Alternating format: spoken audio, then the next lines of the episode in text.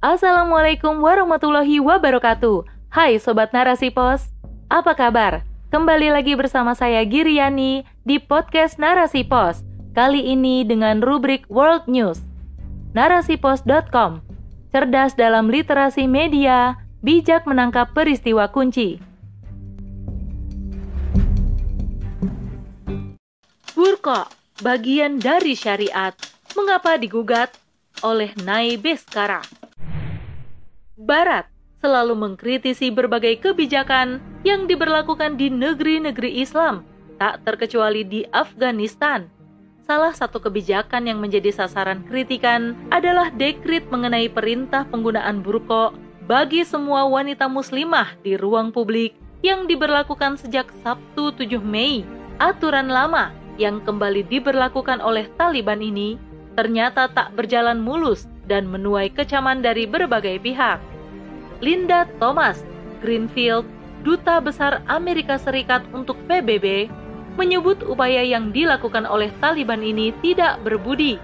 Tidak hanya itu, kebijakan ini juga dianggap sebagai bentuk penentangan terhadap kemajuan yang sebelumnya telah dihadirkan oleh pihak internasional terhadap perempuan dan anak perempuan di negara itu. Taliban mengungkapkan bahwa dekrit yang dikeluarkan itu bertujuan tidak lain untuk memberikan rasa aman kepada semua wanita muslimah di negaranya, sebagaimana yang dinyatakan oleh Menteri Kebajikan Taliban, Khalid Hanafi, bahwa mereka menginginkan saudara perempuan mereka hidup dengan aman dan bermartabat.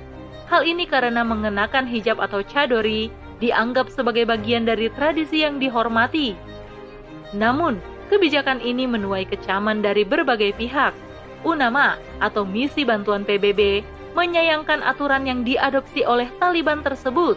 Mereka menganggap dekrit itu bertentangan dengan jaminan perlindungan dan penghormatan hak asasi manusia, termasuk di dalamnya perempuan dan anak perempuan. Tidak hanya UNAMA, kecaman pun datang dari Human Rights Watch.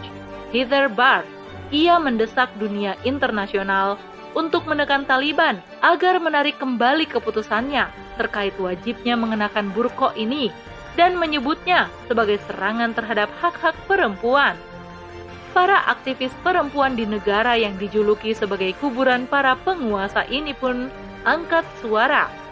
Mahbubah Seraj yang seorang aktivis hak perempuan merasa bahwa Taliban melalui dekrit ini telah mencampuri kehidupan pribadi kaumnya Bahkan, peraih Nobel Perdamaian yang juga aktivis perempuan, Malala Yousafzai, menyeru kepada seluruh perempuan di dunia untuk turun ke jalan guna membela hak perempuan Afghanistan yang telah direnggut oleh penguasa di negaranya. Malala juga berpendapat bahwa Taliban ingin menghapus hak perempuan dan anak perempuan dari kehidupan publik. Ia pun menambahkan Taliban juga hendak menjauhkan anak perempuan dari sekolah, perempuan dari pekerjaannya, melarang perempuan bepergian tanpa mahram, serta memaksa perempuan untuk menutupi tubuh dan wajahnya. Menurutnya, Taliban telah melanggar hak asasi jutaan perempuan di Afghanistan. Faktanya, memang kaum buruh perempuan setelah Taliban kembali berkuasa, angkanya kian menurun. The Homa Press melaporkan sebagaimana dikutip oleh Sigar 10 Mei, pekerja perempuan menurun presentasenya hingga 21 persen pada pertengahan 2022. Banyak dari mereka yang akhirnya tidak bekerja karena diharuskan berada di dalam rumah-rumah mereka. Inilah salah satu alasan yang digunakan pihak yang tidak mendukung kebijakan itu untuk menentang Taliban. Pertanyaannya, benarkah dengan dekrit yang dikeluarkan, Taliban telah melanggar hak asasi perempuan di sana. Lalu, bagaimanakah pandangan Islam mengenai burqa? Pemberlakuan kembali aturan berhijab dengan menggunakan burqa ini terjadi di saat narasi Islamofobia tengah digencarkan oleh Barat dan sekutunya di seluruh dunia, termasuk di dalam negeri-negeri Islam sendiri. Sontak, Hal ini membuat Barat dan orang-orang yang telah terkooptasi oleh sakofah mereka meradang. Mereka yang membenci Islam kemudian melayangkan berbagai kritikan, kecaman, dan desakan agar dekrit tersebut tidak diberlakukan. Berbagai alasan yang dibuat-buat mereka kemukakan, mulai dari hijab sebagai bentuk penindasan kaum perempuan, perampasan terhadap hak asasinya, serta pengekangan terhadap kebebasan berekspresi kaum perempuan. Opini-opini yang berkembang di berbagai media mainstream pun tampak lebih banyak yang menampilkan penolakan, ketidaksetujuan, dan aksi protes dari beberapa pihak yang menentang kebijakan tersebut. Tidak ada opini yang menyetujui keputusan yang telah dikeluarkan oleh Taliban itu. Pihak Taliban sendiri sesungguhnya telah menyampaikan tujuan diberlakukannya kembali burko pada muslimah di negaranya. Tujuannya tidak lain agar saudara-saudara perempuan mereka merasa aman dan terlindungi. Pandangan ini tidak lepas dari pemahaman mereka terhadap Islam mengenai wajibnya muslimah menutup auratnya ketika berada di ruang publik. Selain itu, mereka juga memiliki pemahaman bahwasanya perempuan haruslah disertai oleh mahramnya ketika bepergian dan lebih baik berada di dalam rumah-rumah mereka sehingga lebih terjaga Tentu, mereka memiliki dalil-dalil sebagai sandaran mengambil pemahaman tersebut. Pemahaman terkait burko, cadar, atau hijab ini memang merupakan masalah yang sifatnya ikhtilafiyah. Artinya, kaum muslimin memiliki pandangan yang berbeda dalam menghukuminya bergantung pada pemahamannya terhadap Nasara. Syekh Taqiyuddin An-Nabhani dalam kitabnya Nizam Ijtimai mengungkapkan bahwa pembahasan hijab atau cadar ini oleh para ulama bersandarkan pada dalil atau syubhah dalil. Salah satunya bersandar pada surah dalam Al-Quran, yakni surah Al-Ahzab ayat 59.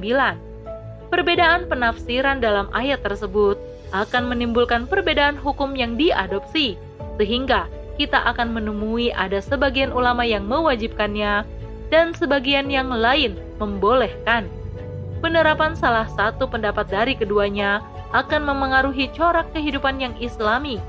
Tetapi, baik pendapat yang menyatakan bahwa cadar wajib maupun yang menghukuminya boleh, keduanya termasuk pendapat yang islami.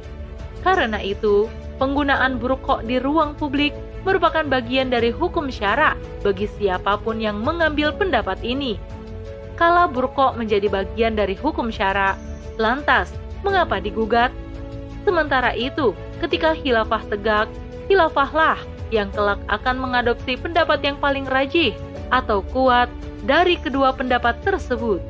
Dari sini kita mampu melihat bahwa dekrit yang dikeluarkan Taliban tidaklah melanggar hukum syara. Ada sandaran dalil yang mereka gunakan. Sebagai muslim, memang kita harus menyandarkan seluruh perbuatan yang kita lakukan pada dalil syariat. Inilah bentuk keterikatan kita sebagai hamba terhadap hukum syara yang telah diturunkan oleh Allah Subhanahu wa taala. Bagi muslimah yang memahami agamanya, tentu ia tidak akan menilai berpakaian sebagaimana yang diperintahkan oleh Allah Subhanahu wa taala merenggut hak asasi mereka dan merampas kebebasan mereka. Sebaliknya, mereka akan merasa lebih terjaga, terhormat, aman, tenang, dan nyaman dengan menunaikan perintah dari robnya tersebut. Hanya saja, tetap ada sisi-sisi yang harus dikaji lebih lanjut tentang pembatasan-pembatasan yang diberlakukan oleh penguasa Afghanistan. Misalnya dengan hukum perempuan bekerja dan berekonomi, bagaimana hukum perempuan yang menuntut ilmu di sekolah-sekolah, serta hukum perempuan kala bepergian jauh dari rumahnya. Semua itu akan mampu kita pahami bila kita senantiasa mengkaji lebih dalam sakofah Islam terkait hal tersebut. Wallahu a'lam bishawab.